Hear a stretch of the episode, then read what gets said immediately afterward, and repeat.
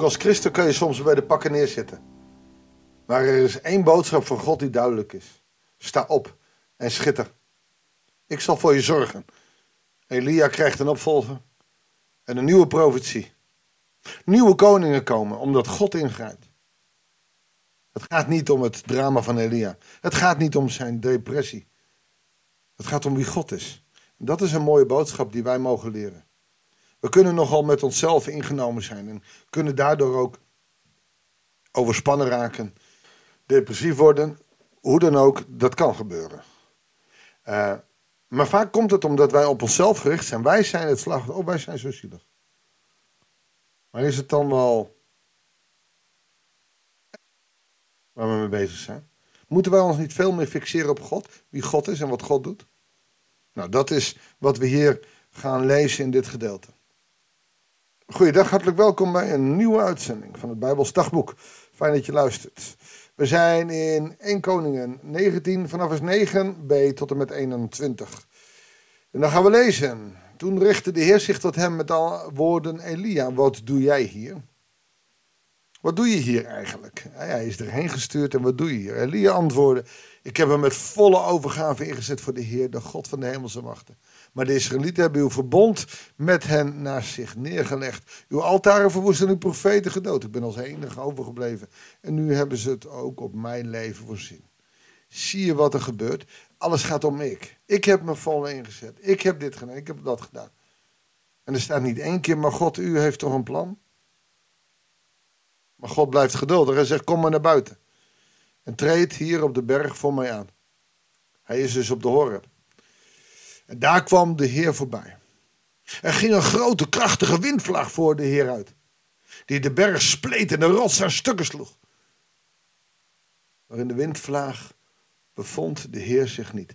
Na de windvlaag kwam er de aardbeving. Maar in de aardbeving bevond de Heer zich niet. De Heer manifesteert zich niet in de gruwelijke geweld van de natuur. Na de aardbeving was er vuur. Dat zal hem zijn, het vuur van de Heilige Geest. Maar in dat, vuur, in dat vuur bevond de Heer zich niet. En na het vuur klonk het gefluister van een zachte bries. En toen Elia dat hoorde, sloeg hij zijn mantel voor zijn gezicht. Dus met dat zachte briesje weet hij, God gaat voorbij. En hij bedekt zijn gezicht, want hij kan God niet aanschouwen.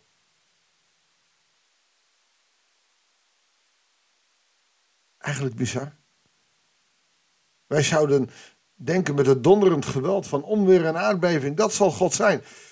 Maar in dat gefluister van het briesje. Hij kwam op een ezel binnen, vlak voor zijn dood. Niet op een paard en een ruiter met goud besmeden harnas.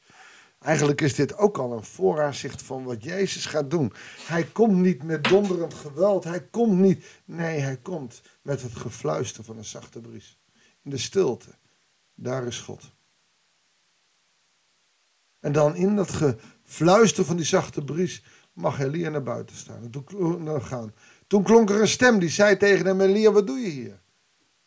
En Elia antwoordde: Ik heb hem met volle overgave ingezet voor de Heer, de God van de hemelse machten. Maar de Israëlieten hebben uw verbond naast ze neergelegd. Uw altaren verwoest en uw profeten gedood. Ik ben als enige overgebleven en nu hebben ze het ook op mij voorzien. En tweede keer. God laat hem uitpraten een tweede keer. Dat had hij toch al gezegd. Hij zegt het voor een tweede keer. Zelfs in de ontmoeting met God. Elia ziet het echt niet meer zitten. Dan zegt de Heer tegen Elia: Keer terug. Ga naar de woestijn van Damascus. Als God nu gestopt zou zijn, dan zou Elia gedacht hebben: Ja, doe ik niet. Heb ik geen zin in. Ik ga weer onder die braamstruik liggen. God legt uit waarom hij dat wil. Want daar aangekomen moet je Hazael tot koning van Aram zalven. Jehu, de zoon van Nimsi, moet je zalven tot koning van Israël. En Elisa, de zoon van Safat, uit Abel Megola, moet je tot je eigen opvolger zalven. Met een complete oplossing. Dat is bijzonder. Twee nieuwe koningen dus de strijd is weg. Dat betekent dat Agap en Isabel zullen vertrekken. Twee nieuwe koningen die wellicht de strijd wel weer aangaan, maar die een nieuw begin. God heeft een nieuw begin. Hij schoont dat hele gebeuren in Israël op.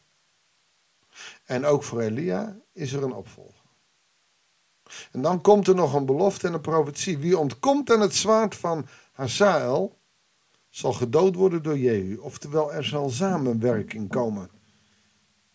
De ene zal niet voor de andere uh, nadoen. En je zag dus tot nu toe dat die twee steeds in strijd waren. Tien stammen en de twee stammen. En, en nu komt er een soort van ja, eenheid weer terug. En wie ontkomt aan het zwaard van Jehu zal gedood worden door Elisa. En dat is dan weer de profeet. Maar ik zal in Israël 7000 mensen overlaten die niet voor Baal hebben geknield en hem niet hebben gekust. Dat betekent dat er heel veel mensen zullen sterven. Omdat ze allemaal voor Baal hebben geknield. En nogmaals hier de nadruk dat afgoden voor God een gruwel zijn. Elia ging weg van de Horeb. En toen hij Elisa, de zoon van Safat, aantrof, was deze aan het ploegen. Ze waren aan het werk met twaalf span ossen. Elisa liep achter het twaalfde span. Elia liep op hem af en gooide zijn mantel over hem heen. En meteen liet Elisa zijn ossen in de steek en rende achter Elia aan. Elia is dus waarschijnlijk, heeft die mantel gepakt, over hem heen gegooid en is doorgelopen. Elisa snapt meteen wat er gebeurt. Hij krijgt dus de mantel, in dit geval van de profeet aan. Als de koning voorbij was gegaan, die had een mantel over hem heen gegooid, dan had hij de koningen moeten volgen. Iemand de mantel geven, aanreiken, oftewel omdoen, is ik wil dat jij mij volgt. En hij wordt overvallen door het idee, maar rent meteen achter Elia aan. Hij snapt het dus meteen. Roeping gaat op verschillende manieren. Maar als je echt roeping van God hebt, dan volg je die. En dan zegt hij, laat mij afscheid nemen van mijn vader en moeder, zei je. Dan zal ik met u meegaan. En Elia zegt, doe wat je wil. Ik dwing je nergens toe. En dit is dan weer mooi. Dit is roeping, maar je hebt vrije wil. Neem afscheid, dat is belangrijk.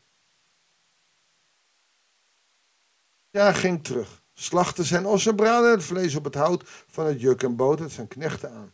Daarna ging hij met Elia mee als dienaar.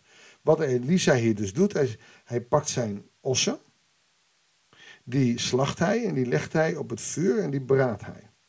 Hij maakt een soort afscheidsmaaltijd en doet dat met de ossen waar hij mee werkt. Daarmee zegt hij ook, ik laat mijn oude leven als boerenkul achterwege en ik ga volledig het nieuwe tegemoet. Hij verbrandt als het ware het oude om het nieuwe volledig in te gaan. En we zien hier dat hij voor zijn knechten een, maaltijd aanbiedt. Er staat niet of hij nog afscheid neemt van zijn vader en moeder. Maar hij maakt symbolisch wel zijn, zijn leven af en gaat door naar het andere leven. Het nieuwe leven. Dus als je het over roeping hebt, uh, gaat het ook heel bewust. Je bent geroepen, dan ga je niet meteen op weg. Dan mag je gewoon ook afscheid nemen van de huidige uh, wereld waar je woont. En dat is belangrijk. Prachtig hoe hij het signaal van Elia weet op te pikken. Elisa gaat mee. Hij wordt de knecht van Elia. Dat betekent dat Elia niet meer alleen is. Dat hij een nieuwe knecht heeft, maar ook een opvolger.